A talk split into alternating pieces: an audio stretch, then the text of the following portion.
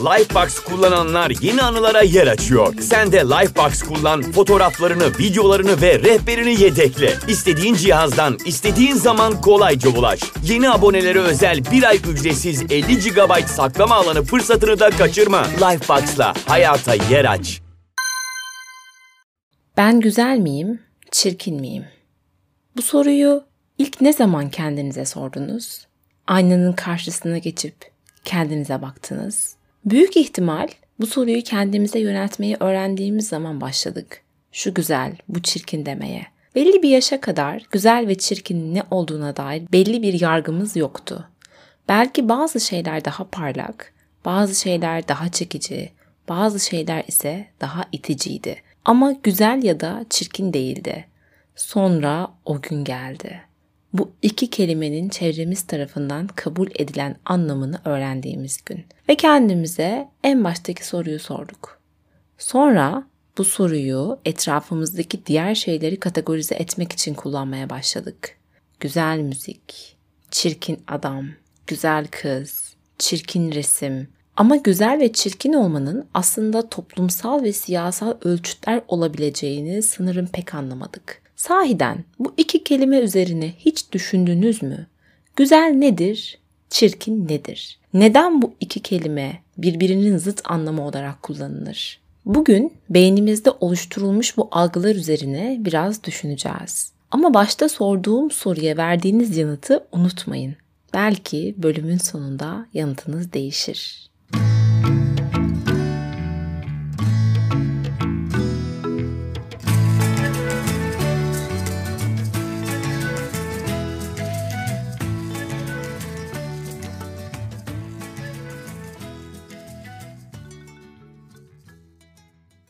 Herkese merhaba. Ufak bir girişle başladım bugün podcast'te. Anlatacaklarımın öncesinde minik bir farkındalık oluşturmak istedim. Bugün konumuz güzellik ve çirkinlik. Yalnızca bedenlerimizin değil, fikirlerin, karakterlerin, sanat eserlerinin ve aklınıza gelebilecek diğer her şeyin güzelliği ve çirkinliği üzerinde duracağız. Bu iki kelimeyi oldukça geniş anlamında kullanacağız yani. Bu bölümü yaparken iki muhteşem kitaptan beslendim.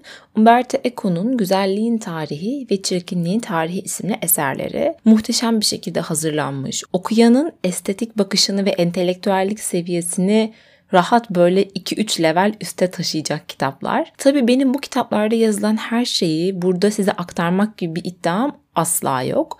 Ama özellikle ilgilendiğim bazı kısımlardan direkt olarak alıntılar yapacağım. Bu bölüm temel olarak üzerinde duracağım şey aslında güzellik ve çirkinlik dediğimiz şeyin akışkanlığı olacak. Güzelliğin tarihinde ta milattan önceden başlayarak güzelliğin değişimi üzerine kronolojik resimler sıralanmış. O resimlerden de bir Instagram postu hazırlamayı planlıyorum. Bölümü dinledikten sonra anlattıklarımı daha iyi anlamak için o posta bakabilirsiniz. Bölüm için araştırma yaparken güzel ve çirkin kelimelerinin farklı kültürlerde hangi anlamlara geldiğine baktım.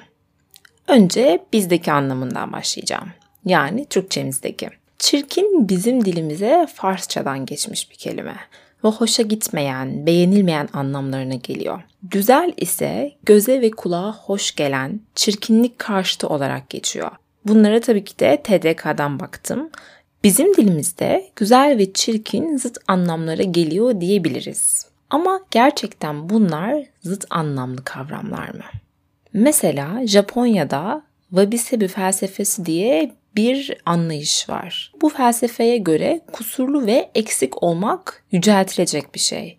Güzel ve mükemmel olmaktansa eksik, kusurlu ve hoşa gitmeyen taraflarımızın olması güzel bulunuyor. Hatta Wabi-Sabi'ye göre eksiklik ve kusurluluk yani bizim çirkin bulduğumuz şeyler hayatın doğal birer parçası. Çirkinlik güzelliğin karşısında değil, yalnızca hayatın akışında bulunan ve olması gereken bir şey. Bu Wabi Sabi felsefesini anlatan çok güzel bir kitap okumuştum. Orada çirkinliğe ve kusurluluğa getirilen bu farklı bakış açısından gerçekten de etkilenmiştim. Wabi Sabi aynı zamanda bir estetik anlayışı. Japonya'da yani bir yaşam felsefesi olmanın dışında bir estetik olarak da kullanılıyor. Aslında Wabi Sabi'ye göre çirkin diye bir şey yok bile diyebiliriz. Demek ki bu güzel ve çirkinin birbirine zıt olma durumu bile kültürlere göre farklılık gösterebiliyor. Şimdi bu kelimelerin bir de İngilizce'deki anlamlarından bahsetmek istiyorum. İngilizce'de çirkin ugly kelimesiyle ifade ediliyor. Bu ugly kelimesi ise İskandinav kökenli olan ukka kelimesinden gelmiş. Bu arada bunun okunuşu tam olarak böyle mi bilmiyorum. Umarım ukka diye okunuyordur. Yani yazıldığı gibi okudum şu an burada. Ve anlamı korkulan şey demek.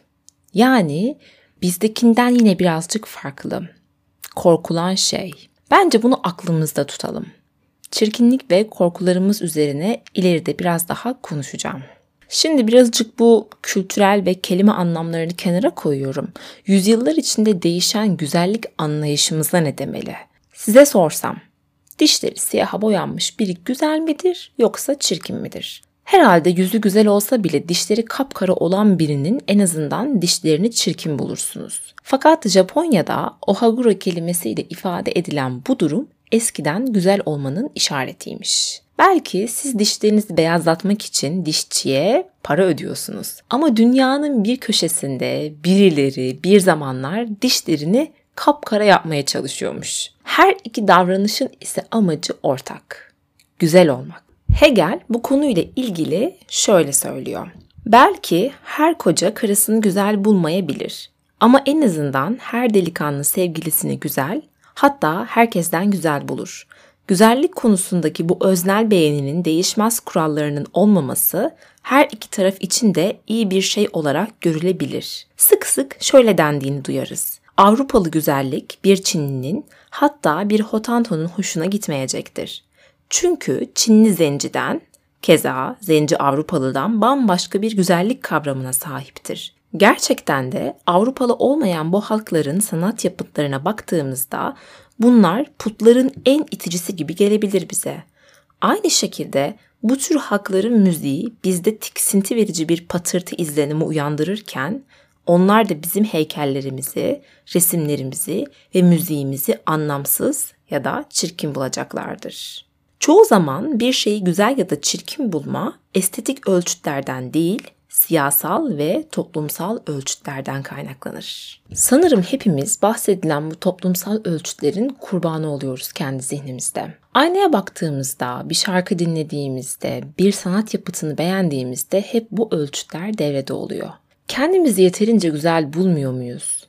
Yüzümüz, bacaklarımız, saçlarımız, ya da başka bir yerimiz günümüzde herkesin kabul ettiği o ölçütlere uymuyor mu? O halde teselli olarak açın ve eski zamanlarda güzel kabul edilen kimselere bakın derim. İlla ki size benzeyen birini bulursunuz.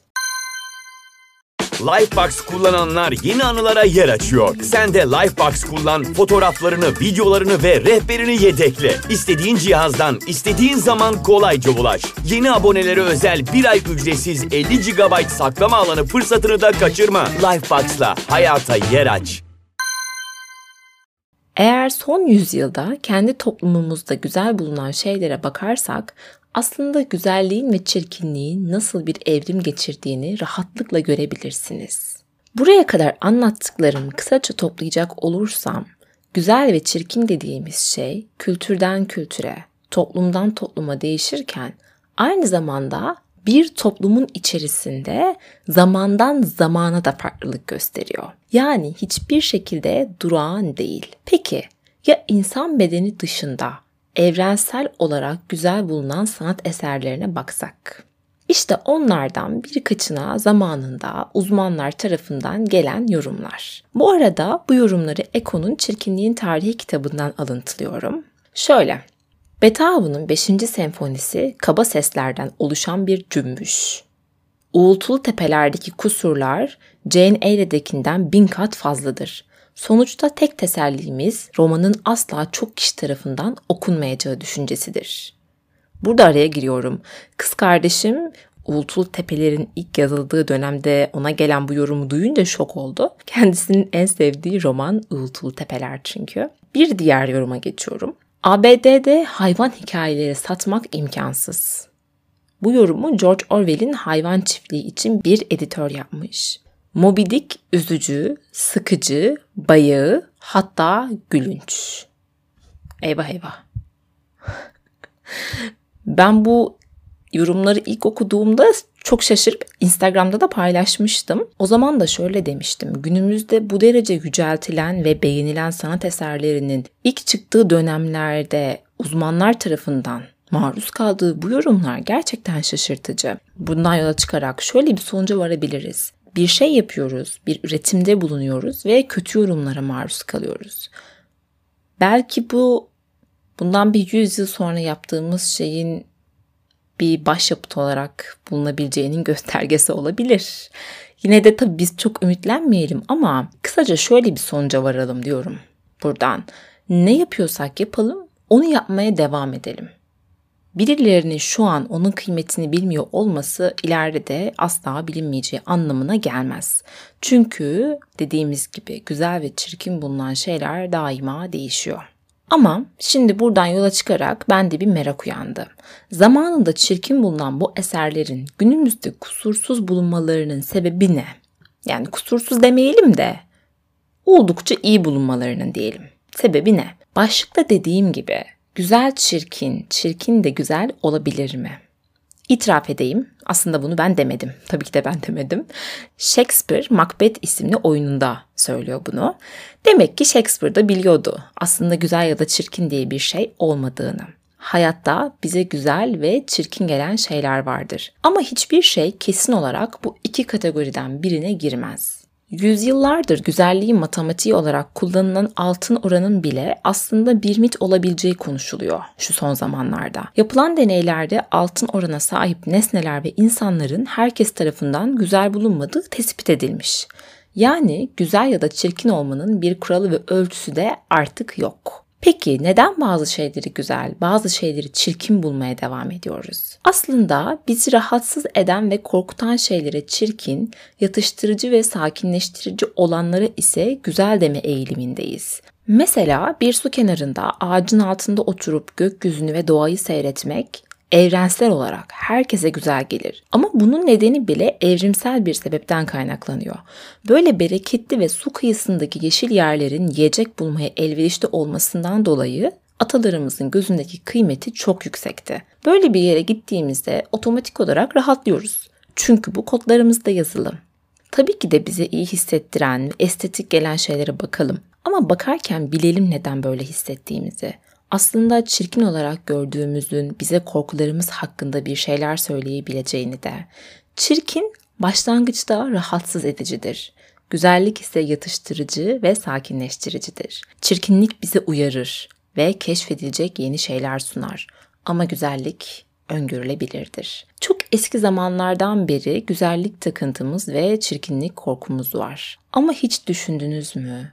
Ya her şey güzel olsaydı? Her şey bize böyle sonsuz rahatlık verseydi belki o zaman hiçbir şey olmazdı. Çünkü en iyi şeyler her zaman bir rahatsızlıktan, bir memnuniyetsizlikten doğar. En azından Michelangelo'nun o muhteşem heykel ve resimlerinin olmama ihtimali gerçekten de yüksekti. Ya nereden geçtin şimdi Michelangelo'ya demeyin.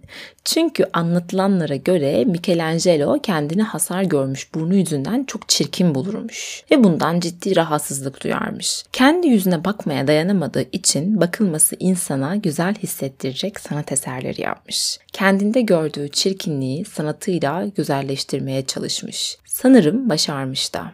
Şimdilerde kimse onun çirkinliğinden bahsetmiyor. Hakkında bilinen en temel şey sanatının insanı etkisi altına alan güzelliği. Bakın haladır güzel ve çirkin kelimelerini kullanmaya devam ediyorum. Hani yoktu böyle bir şey.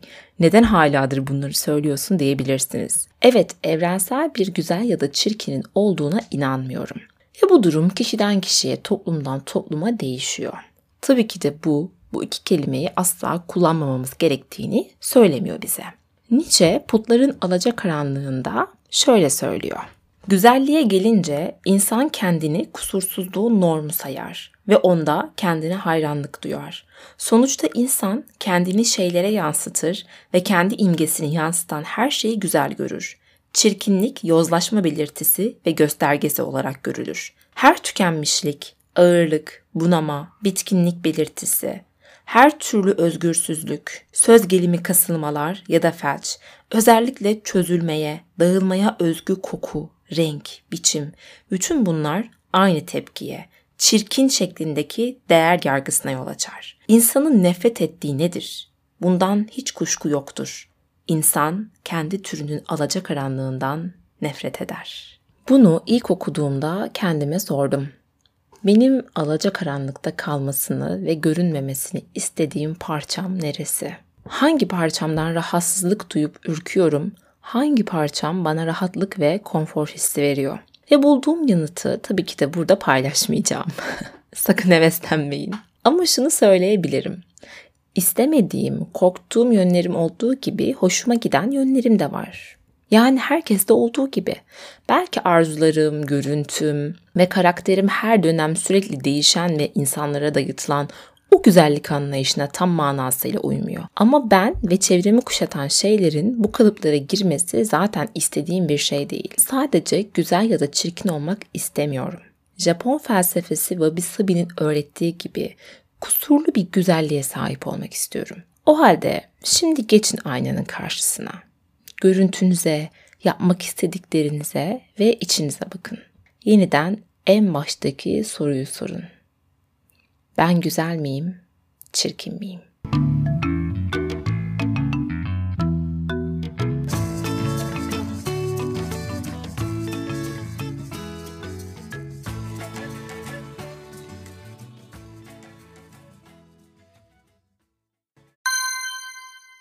Lifebox kullananlar yeni anılara yer açıyor. Sen de Lifebox kullan, fotoğraflarını, videolarını ve rehberini yedekle. İstediğin cihazdan, istediğin zaman kolayca ulaş. Yeni abonelere özel bir ay ücretsiz 50 GB saklama alanı fırsatını da kaçırma. Lifebox'la hayata yer aç.